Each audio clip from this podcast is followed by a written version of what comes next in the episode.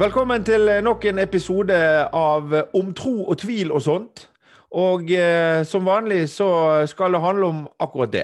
Eh, og det skal handle om tro på Gud, det skal handle om å tro på mennesker, det skal handle om å tro på muligheter. Og nok en gang så må jeg få takke for alle de fantastiske tilbakemeldingene som jeg har fått ifra dere der ute. Det har kommet både mailer og Messenger og kommentarer og SMS og telefoner, og det, det syns jeg er veldig, veldig kjekt. Så det tyder på at eh, folk syns det er hyggelig å få litt av det påfyllet som jeg ønsker å prøve å få til gjennom denne podkasten. Tro er handling, sa Bjørnstjerne Bjørnson. Og det å tro sånn som jeg ser det, er jo et valg. Jeg velger å tro, eller jeg velger å la være å tro. Men det er fremdeles et aktivt valg. Og eh, som vi har sagt flere ganger før, min gamle mormor sa Mimmi, som jeg kalte henne, eh, i forhold til eh, sin gudstro, som holdt henne oppe gjennom et langt liv. Hvis jeg tar feil, så har jeg fremdeles hatt et fantastisk godt liv. Men tenk hvis jeg har rett. Og Henry Ford som sa om du tror du kan, eller om du tror du ikke kan, så har du rett. Og vi velger altså å tro. Det er nemlig sånn at dukker det opp en mulighet, så er det opp til sjøl å velge om vi tror at det er en mulighet, eller om vi tviler på at det er en mulighet. Og det foregår på innsiden av oss sjøl. I dag så skal vi eh, ha en gjest som eh, driver mye med dette med å tro. Men eh, hans hverdag handler ikke først og fremst om Guds tro. Hans hverdag handler om tro på muligheter. Det kommer vi tilbake igjen til. Vi har noen faste poster, og en av de er altså Salomos ordspråk. Salomos ordspråk i Bibelen inneholder 31 kapitler og enormt mye visdom, enten du har valgt å tro på Gud eller ei så er det mye å hente for deg i Salomos ordspråk. Og I dag så er vi kommet frem til kapittel 1, versene 20 til 23, og jeg leser. Visdommen roper høyt på gaten. Den lar sin røst høre på torgene. På hjørnet av larmfylte gater roper den. Ved byens åpne porter taler den og sier, Hvor lenge vil dere uforstandige elske uforstand, og spotterne har lyst til spott, og dårene hater kunnskap. Vend om og gi akt på min tilrettevisning. Da vil jeg la min ånd velle frem for dere, jeg vil kunngjøre dere mine ord. Visdom, ja. Visdommen, den fins overalt rundt oss. Men vi må aktivt søke, det er også et valg. Hender det at uh, du leser en bok eller lytter til en, lytter en podkast eller finner videoer og andre interessante artikler på, på internett? Søker kunnskap som gjør deg til et bedre medmenneske, en bedre partner, en bedre arbeidsdager, en bedre forelder eller et bedre barn, eller kanskje en bedre venn? Eller bruker du stort sett tiden din på gullrekken på TV og krimserier på Netflix? Ved å ha en plan om å lære seg noe, Litt hver dag så kan vi tilegne oss visdom. Kanskje bare ti minutter hver dag. Lese en bok ti minutter om morgenen eller ti minutter om kvelden. Da kan vi lære noe. Kanskje lytte til en lydbok i bilen eller på bussen. Se hvordan andre mennesker har løst utfordringer som vi sjøl står overfor. Det finnes råd om og løsninger på de aller fleste utfordringer vi møter i hverdagen, men vi må altså sjøl aktivt søke det. Vi må oppsøke visdommen, og den fins der ute. Vi må søke mulighetene. De fins der ute. Og det er all slags mekanismer som er laget for å konkurrere om oppmerksomheten vår. Det er liksom de store selskapene, de store merkevarene, de store aktivitetene. Alle skal ha oppmerksomheten vår. Og jo mer tid og oppmerksomhet vi gir til unyttige aktiviteter, jo mindre tid og oppmerksomhet har vi til overs for å tilegne oss visdom. Vi må velge sjøl, og vi må altså Eller må og må, det er opp til deg å velge, men jeg syns at vi må og bør bruke den frie viljen som Vår Herre har utstyrt oss med, til å søke visdom. Det er opp til hver og en av oss.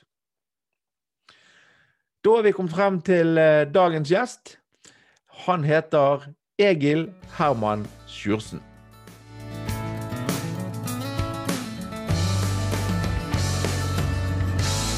Da har jeg altså med meg Egil Herman Sjursen. Og hvis vi kikker på Wikipedia, Egil Herman, så har gjort det, så står det at Egil Herman Sjursen han er født i Haugesund. Er norsk forretningsmann og tidligere politiker. Beskjeftigelse, politiker, forretningsdrivende, banksjef og finansanalytiker, står det her. Så da blir jo mitt første naturlige spørsmål hvem er Egil Herman Sjursen? Ja, altså jeg kan jo til og med, jeg kan jo til og med stille meg sjøl det spørsmålet av og til. Uh, men uh, det er liksom sånn at livet, livet tar deg jo mer rundt på rundreisen. Og det ble nå en gang slik at jeg trodde en gang i min ungdom at jeg skulle drive med politikk. Jeg var veldig idealistisk og hadde sterke, klare forestillinger om hvordan vi skulle drive samfunnet. og og Det brakte meg inn. Jeg var vara til Stortinget i åtte år og var, satt i bystyret i Bergen i tolv år. og Gjorde masse der. Men så plutselig så, så ble det sånn at eh, jeg fikk noen gode jobber, da. Mm. Eh, begynte som finansanalytiker i Bergen Bank i sin tid. Og Så tok det ene det neste, og så fikk jeg masse spennende jobbtilbud. Og så endte det opp med Og det kan jeg si nå, for nå kan jeg se meg tilbake. Så endte det opp med at, eh, at eh, finansmarkedet og, og kapitalforvaltning ble min greie. Og Der jobbet jeg i 34 år. Akkurat. Og nå har du eh, sånn semipensjonert, det kan vi vel kalle det. Du har jo noen styreverv, og bl.a. så er du blitt styremedlem i Norges Bank. Også, så, du, jo, du, har jo en finger på pulsen fremdeles, for å si det på den måten. da. Ja, definitivt. Jeg, har et, eh, jeg, har, jeg føler jeg har et veldig godt liv. Jeg er veldig takknemlig for det. fordi Eh, jeg hadde vett til å gi meg Nå var det litt sykdom i bildet, da, men altså, jeg ga meg før jeg var 62 eh, og klarer meg greit. Og, og, og eh, jeg føler i hvert fall veldig sterkt at jeg har nok å gjøre. Mm. Så jeg har fått masse spennende oppdrag etter at jeg har gitt meg i næringslivet. og det gjør at jeg, jeg, har, jeg har det fint som jeg har det, med mye mer fritid enn jeg hadde. Ja, og Det høres veldig godt ut.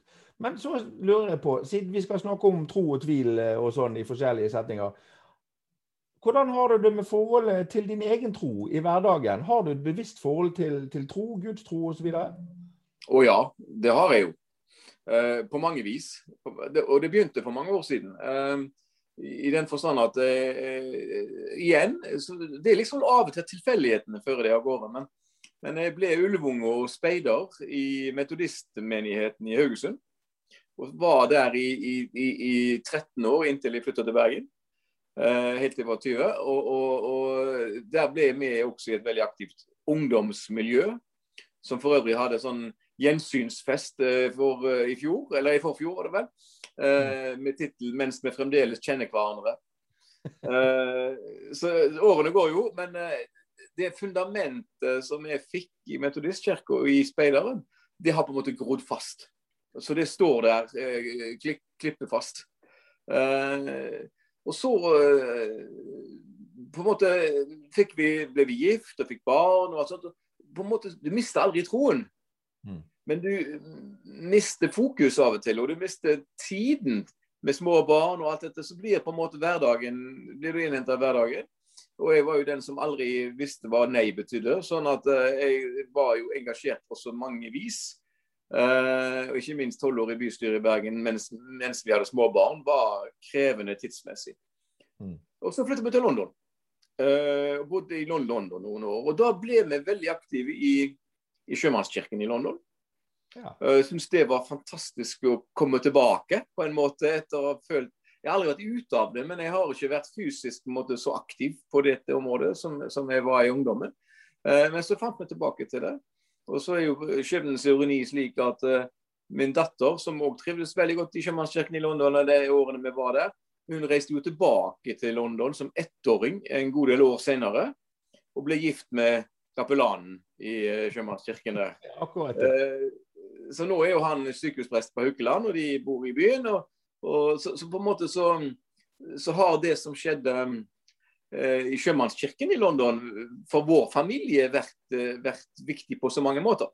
Mm. Uh, og så har vi da vært eh, altså i voksen alder, og siden vi kom hjem fra London, så har vi vært faste og trofaste til Slettebakken menighet, eh, ordinær statskirke. Vi er ikke mer spennende enn som så, men jeg syns jo det er fantastisk. Uh, der har vi Min kone synger i kor der. Vi har vært med i administrativt forskjellige nivåer. Og, og så er vi benkeslitere i, i kirken, og det syns jeg også er godt. Det er veldig fin, fint i Slettebakken. Vi har jo vært i, i, pandemien nå, så har vi vært så heldige at vi har fått vært med og streame en del gudstjenester der oppe. Jeg syns kirkerommet i Slettebakken er, er, er, veldig spesielt og grådig fint. Altså. Det er veldig fint, og det er et veldig godt miljø der. Eh, ikke minst blant ungdommene. Så begge våre barn har vært veldig aktive der, både som ungdomsledere og deltakere. Mm. Og det har bundet oss veldig tett til, til den menigheten. Eh, og så har vi nå fått en ny sogneprest for noen to-tre år siden, Tor Brekkeflad, som, som, på en måte passer veldig godt inn i den menigheten, syns jeg. Og det har vært en lykke for alle parter. Ja, ja jeg, jeg, kjenner jo to veldig godt. Vi har jo bl.a. gitt ut en bok sammen. Og, og jeg må jo si at, at uh, han har blomstret så fantastisk etter å ha kommet opp der. Så til deg som ser og hører på dette, hvis du har lyst på en god gudstjenesteopplevelse en dag, så kan både Egil Herman og meg anbefale en tur i Slettebakken kirke. Definitivt. Ja. Men så, Egil Herman, det er da forholdet til troen. Så er det da dette med, med penger, finans og økonomi osv. For det var en som sa til meg en gang at aksjemarkedet og finansmarkedet gjenspeiler ofte eh, hvilken tro investorene har på mulighetene til de ulike selskaper, og eller tvil. Eh, og så er det jo grenseoppgangen mellom Jeg hadde jo en prat forrige uke med, med Rune Larsen, som forteller litt om utfordringene med det å være en, en veldig tydelig kristen og å tjene mye penger. Hvordan har dette påvirket hverdagen din på noen måte? Ja, det har jo det, men, men samtidig må jeg få lov å komme med et lite hjertesukk. Altså, mm. Eh, i, min, i, mine, i, mine, lange perioder innenfor eh, finans innenfor kapitalforvaltning, så har jeg vært så heldig å ha mange også av de store religiøse organisasjonene i Norge som kunder. Mm. Eh, vi hadde jo på en måte kanskje et felles verdigrunnlag som gjorde at vi, vi kan, forhåpentligvis da stolte på det jeg gjorde. Men, men, det har fått meg til å være veldig klar på én ting. og det er at det er jo ikke slik at det å forvalte ens midler er spesielt syndige eller spesielt lite lurt. Eh, og det å på en måte fortelle det i, i kristne organisasjoner, at, som ofte sitter på mye kapital, så sier jeg til dem det å forvalte den kapitalen dere, det er for å sikre fremtidige generasjoner. Det er en forpliktelse dere som ledere også kristne organisasjoner har. Og det er ikke spesielt syndig å ha, å ha en god kapitalforvaltning. Uh, og Jeg har diskutert dette mye med også eh, en del av prestene. Og, og de, de, er egentlig veldig enige med meg, men det, det skal liksom ikke snakkes om. Eh, at man kan forvalte midler. Og, så jeg har brukt mye tid inn mot kristne organisasjoner. Det kan være alt fra Sjømannsmisjonen til Norges KFK, KFBM og andre. Så jeg har brukt mye tid på å fortelle dem at det å forvalte midler på en god måte, det er en stor forpliktelse dere har fått for å ta passet på neste generasjon igjen. Jeg tror det har gått inn. Det er jo litt interessant, da, for hvis, du, hvis du blar tilbake til, til Gamle Testamentet da, og leser historien om både Abraham, og Isak, og Jakob og, og, og Josef osv. Det er jo ikke akkurat noen asketer vi snakker om her. Dette er mennesker med store dyreflokker, store familier, store virksomheter og mye kapital. Eh, mm. så de, de, bor ikke i en løvhytte på stranden, for å si det på den måten. Sant? Sånn at det, det, å, det å ta vare på rikdom og velferd ligger jo også gjennom hele Bibelen. Ja, og jeg mener det er ikke spesielt syndig eller ille å tenke sånn, fordi at uh, man skal forvalte sitt pund på best mulig måte. Og Det er uh, viktig, ikke bare for de det gjelder, men for, for neste generasjon, fremtidige generasjoner. Og Hvis alle har et aktivt og positivt forhold til det, så, så, så vil det være til beste både for mennesker og økonomi. Så Det har vært et litt av mitt utgangspunkt. Eller så, så hender det jo, altså Du er jo gjennom et langt yrkesliv så kommer du opp i situasjoner hvor du, hvor du eh, ja, eh, føler på at det kan være en konflikt. Mm. Det er jo ikke noe tvil om det. Eh, men jeg har altså spesielt de senere år så har jeg vært aktiv foredragsholder inn mot norsk næringsliv. Jeg var hovedforedragsholder på et stor, stor Telenor-konferanse for en del år siden om dette med det å være næringslivsleder og troende. Mm. Eh, om hvordan det var. Det avstedkom veldig mange interessante relasjoner i ettertid. For folk tok kontakt med meg og sa det var godt at noen snakket om disse tingene også. Eh, så, så det, og i Vesta, i Vesta, når jeg var satt i konsernledelsen i Vesta Forsikring i sin tid, så var jeg jo finansdirektør. Men samtidig så var jeg sjef for alt verdiarbeidet i bedriften. For jeg tror så inderlig på at man også i næringslivet trenger et, en forankring og et sett av verdier uh, i alt som man bedriver. Uh, enten det er mellommenneskelige ting eller det er rene økonomiske ting. Altså Det må være noe i bunnen. Uh, og det har jeg jobba mye med som næringslivsleder. Og Derfor så, så, vil jeg mene at det er ikke en konflikt mellom det å være en sentral næringslivsleder og det å ha et et, eh, et trosfundament i bunn. Nei, kanskje det kan eh, tvert imot være til, til god hjelp. Uh, vi trenger det i hvert fall. Ja. Vi trenger det alle. Og, og, jeg har vært åpen på det hele veien. Og, og jeg tenker at, at og, jeg, og la meg si det sånn, jeg treffer jo også masse næringslivsledere som har et bevisst forhold til sin tro. Så treffer jeg også mange som overhodet ikke har det. Men, men opplever du eh, å møte mennesker som hva skal du si, egentlig ikke tør å være tydelig på at de har en tro, men de føler at, at det passer ikke å stå frem med det, eller de tør ikke, eller det er litt flaut, eller, eller sånn. For jeg opplever det i underholdningsbransjen. Er det mennesker mm. etter at jeg sto frem og var veldig tydelig på at jeg hadde kommet, si, til, kom til troen, da, så er det altså mennesker som kommer sånn snikende bort og sier ja, vet du hva, jeg også leser og jeg tror, og sånn, men, men, jeg tør ikke å, å stå frem, for det, det, er så vanskelig. liksom. Hvordan er det i forretningslivet? Opplever jo, det, det, er mye det samme. Det er mye det samme. Og, og Man møter jo veldig ofte utsagn om at tro er en privatsak. Hmm. Eh, og jo, og indiens er det jo en privatsak. Altså Det er et forhold mellom deg og Gud, og, eh, og, og det er det ingen som kan rokke ved det som er når jeg sier det, det er en digresjon, da, men når jeg sier overordnede i Den norske kirke sier at de, de, de, de må ha tilsynsansvar for hva prestene gjør, ja, det er greit, det. Men tilsynsansvar, altså eh, forholdet mellom deg og en prest i en samtale f.eks. er en privat greie som ingen kan føre tilsyn med, og ingen skal føre tilsyn med. Eh, så det er noen digresjoner der. Men, men jeg tenker at, eh, at, eh, det er viktig at, at noen også står fram og sier at de har et fundament og en tro. Og så har jeg respekt for de som ikke gjør det, men likevel har en tro. Altså, Det må bli litt opp til den enkelte helt klart. Det viktigste er jo at man har på en måte kommet frem og tatt et standpunkt, ikke i hvor stor grad man flagger det. Det er jo ikke, det er jo ikke viktig, sånn som jeg ser det. Men det er litt morsomt det du sier om den digresjonen der med, med, med prestene og biskopen osv. Veldig mange av de menneskene som jeg havner i gode samtaler med om deres forhold til troen, når de peker på årsaker til at de ikke får til å være en kristen, mm. så peker de som oftest på noe mennesker har gjort. De peker på ja. De har hatt med prester eller med andre, de som kommer med pekefingeren først osv. Det er de som skremmer dem fra. Sånn at de tør på en måte ikke å ha det der som du sier, direkte forholdet mellom meg og Gud. Og det er jo der relasjonen ligger. sant? Mm. Absolutt. Så det, driver du med ting som ikke bare handler om penger. Du er også styreleder i Harmonien. Eh, kunst, kultur, opplevelse, masse utfordringer gjennom pandemien nå osv. Så sånn. Men Ledelse er jo på en måte et stikkord eh, for mye av det du holder på med. Hvordan påvirker troen din lederen? Jeg håper at eh, det at du har det verdigrunnlaget du har, påvirker all din atferd. Eh, og at du Altså, det å være Jeg er jo styreleder som du sier, litt forskjellige steder. I en organisasjon som Bergen Filharmoniske Orkester som består av 105 musikere og masse administrativt ansatte, så, så er det jo masse individualister.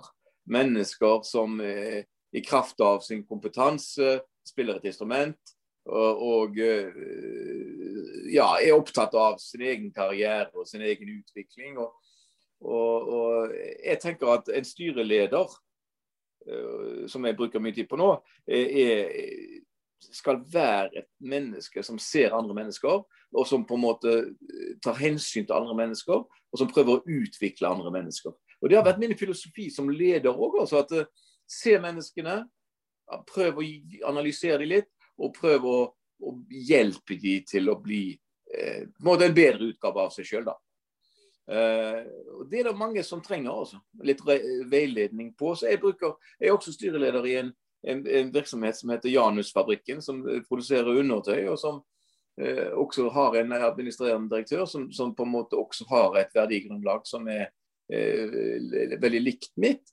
Og, og, og, der tenker jeg Det er en familievirksomhet. Er du, er du, er du eller styreleder i en familievirksomhet, så vet du hvor makta rår.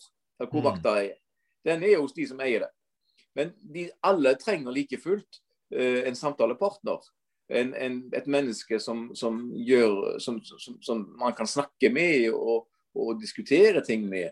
Og, jeg ser min oppgave i ulike relasjoner jeg har i samfunnet, ser jeg min rolle som å, det å være en rettleder og en rådgiver på det mellommenneskelige plan. Ja, jeg har jo fast innslag i denne podkasten at jeg leser noe om, om Salomos ordspråk. Eh, mye prøver å, å, hente litt visdom derifra. Der, der går ordet tilrettevisning igjen i mange av ja. Det er å lytte til tilrettevisning. Sant? Og Det er jo litt sånn styreleder, som du sier, samtaleparter, rådgiver osv. Da, da tenker jeg da er jo tvil er også noe som er viktig. Sant? Er, for det, som, som, leder og veiviser og, og sånn, så må du jo også finne ut hva du ikke tror på. Ja, det må du. Eh, og være veldig klar. Like, nest, omtrent like klar på det. Mm. Hva vi ikke skal gjøre, hva vi ikke skal tro på, hvordan vi ikke skal behandle hverandre som mennesker. Eh, det syns jeg jeg er helt enig i det at det er veldig viktig. Hender det at du, eh, når du skal ta store og vanskelige beslutninger, at du søker, søker, råd direkte mellom deg og han der oppe? har den sagt. Du går inn i ditt lønnkammer og lukker døren og filosoferer? Ja, jeg, jeg husker på min på min 50-årsdag så var det en som tok ordet under et, en hyggelig eh, seanse. Og så sa han at eh, du er den eneste næringslivslederen jeg vet om som alltid har Bibelen med deg når du er ute og reiser. Og det har jeg. Jeg har den i veska mi her øh, nå. Og uansett hvor jeg er, så tar, har jeg den med meg. Det er ikke alltid jeg får tid på hotellrommet til å lese noe, men det er så trygt å vite at den er der. Ja, og så er det jo noe med at Hvis du kjeder deg og du har en bibel i nærheten, så vet du definitivt at da har du noe å aktivisere deg med. Jeg har det på samme måte sjøl. Så jeg, ja. jeg, jeg, kjører den elektroniske utgaven, da, men jeg bruker den appen som er på telefonen. Den er fantastisk bra. Jeg har min gamle reise, reisebibel som eh, jeg har med meg alltid. Når jeg nå er så heldig å sitte her da, med, med styremedlem i Den norske bank Nei, det heter det ikke. Det heter Norge, Norges Bank. Ja. Selveste banken. Ja. Vi er i en pandemi som vi forhåpentligvis er på vei utover. Hva tror du om fremtiden, Egil Herman? Hvordan ser det ut uh, i Norge og resten av verden uh, etter at dette her legger seg? Både økonomisk og på andre måter. Nei, altså, dette er jo, dette er jo eh, uutforsket mark på mange vis. Sant? fordi at Vi har altså nå gjennomlevd halvannet år snart eh, hvor vi ikke skal hilse på hverandre, vi skal ikke klemme på hverandre. Og vi skal helst ikke være i samme rom sammen. Mm. Det er klart, det, det, det, gjør noe med oss som mennesker. Og det kan stå begge veier. Det kan slå i den veien at det, det blir et mer upersonlig samfunn. Det blir mindre mellommenneskelig og sosial kontakt. Og man gjennomfører møter og arrangementer digitalt, eh, sånn som vi driver med nå. Men min følelse, og den sitter ganske dypt etter hvert altså Når du har sittet på et åtte timer langt Teams-møte i styret i Norges Bank, så begynner du etter hvert å føle på at uh, den kilden er litt utømt. Altså den måten å jobbe på og fungere på, på det mellommenneskelige, det har sine begrensninger. Så jeg håper så inderlig at når vi endelig løsner opp dette her igjen, vi, så blir vi enda mer glad i å være glad i hverandre. hvis du skjønner hva jeg mener. At man mm. blir opptatt av å gi hverandre den klemmen, det gode håndtrykket. Å kunne sitte rundt bordet eh, med noe godt i glasset, eller uten noe godt i glasset. Det spiller ikke noen stor rolle, det. Men, men, men poenget er at eh, vi må tilstrebe og jobbe hardt for å komme tilbake til en verden hvor vi ser hverandre fysisk. Så jeg håper at, at vi får en altså, jeg, skrev akkurat en artikkel som jeg, for, som jeg, har kalt for 'frigjøring', som kommer i et blad om, om, et par uker. Og frigjøring, det var, Jeg fikk den ideen rundt 8. mai da, i forbindelse med det som er den store frigjøringen som vi som nasjon opplevde. Men kanskje står vi foran en ny frigjøring, altså. Nå, når dette normaliseres. At vi får en ny bølge av nærhet og omsorg og varme. Det må være drømmen og håpet. Og jeg er ikke fremmed for å tro at det er der det blir. Nei, det høres jo fantastisk ut. Det var en som påpekte for meg forleden dag at uh, han, han, hadde sett litt bakover i historien og sett tilbake til spanskesyken. Og det som skjedde etter spanskesyken, det var det som vi kalte for the warring twenties. Det var da alt tok helt av uh, frem til 1929. da. Sånn at uh, ja, ja.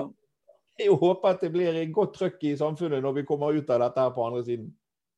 Altså, jeg er ikke bekymret for den økonom økonomiske delen. fordi at Eh, de vestlige land er godt organisert og vil komme ut av det greit økonomisk etter alt det vi har vært igjennom nå. Eh, men igjen, det vil kanskje medføre større forskjeller mellom land.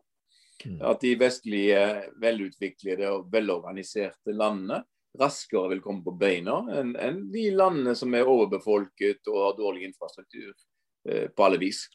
Så det er jo en bekymring.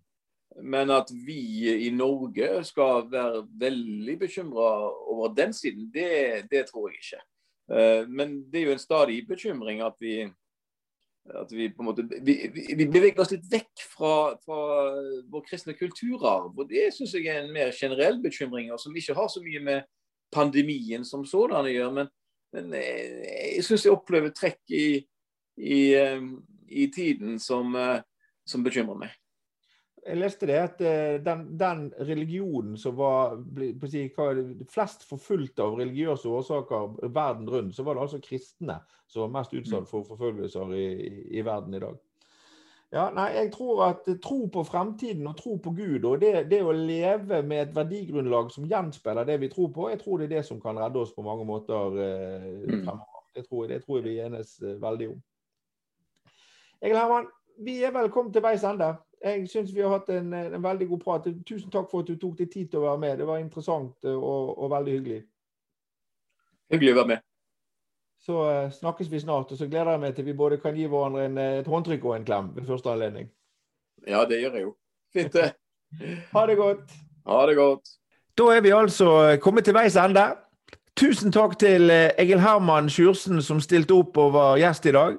Takk til min sønn og nærmeste medarbeider John Edvard, som AKA eh, Lillemann, som eh, produserer og har eh, regi på disse sendingene. Og takk til deg som tar deg tid til å lytte til, og noen av dere også se på denne podkasten. Om du har innspill eller kommentarer, så ta gjerne kontakt med meg ved å sende en e-post til davidalfakrøllgenius.no. Om du er interessert i mer påfyll, så kan du altså besøke websiden min, david.genius.no. Der kan du både abonnere på nyhetsbrev og laste ned min gratis e-bok 'Vil du ha bedre dager'. Vi er tilbake neste uke, og da skal vi snakke med min gode venn Eduardo Andersen, eller bedre kjent som Doddo. Og I mellomtiden så ønsker jeg deg bare gode dager og lyser Herrens velsignelse. Herren velsigne deg og bevare deg. Herren la sitt ansikt lyse over deg og være deg nådig. Herren løfte sitt åsyn på deg og gi deg fred.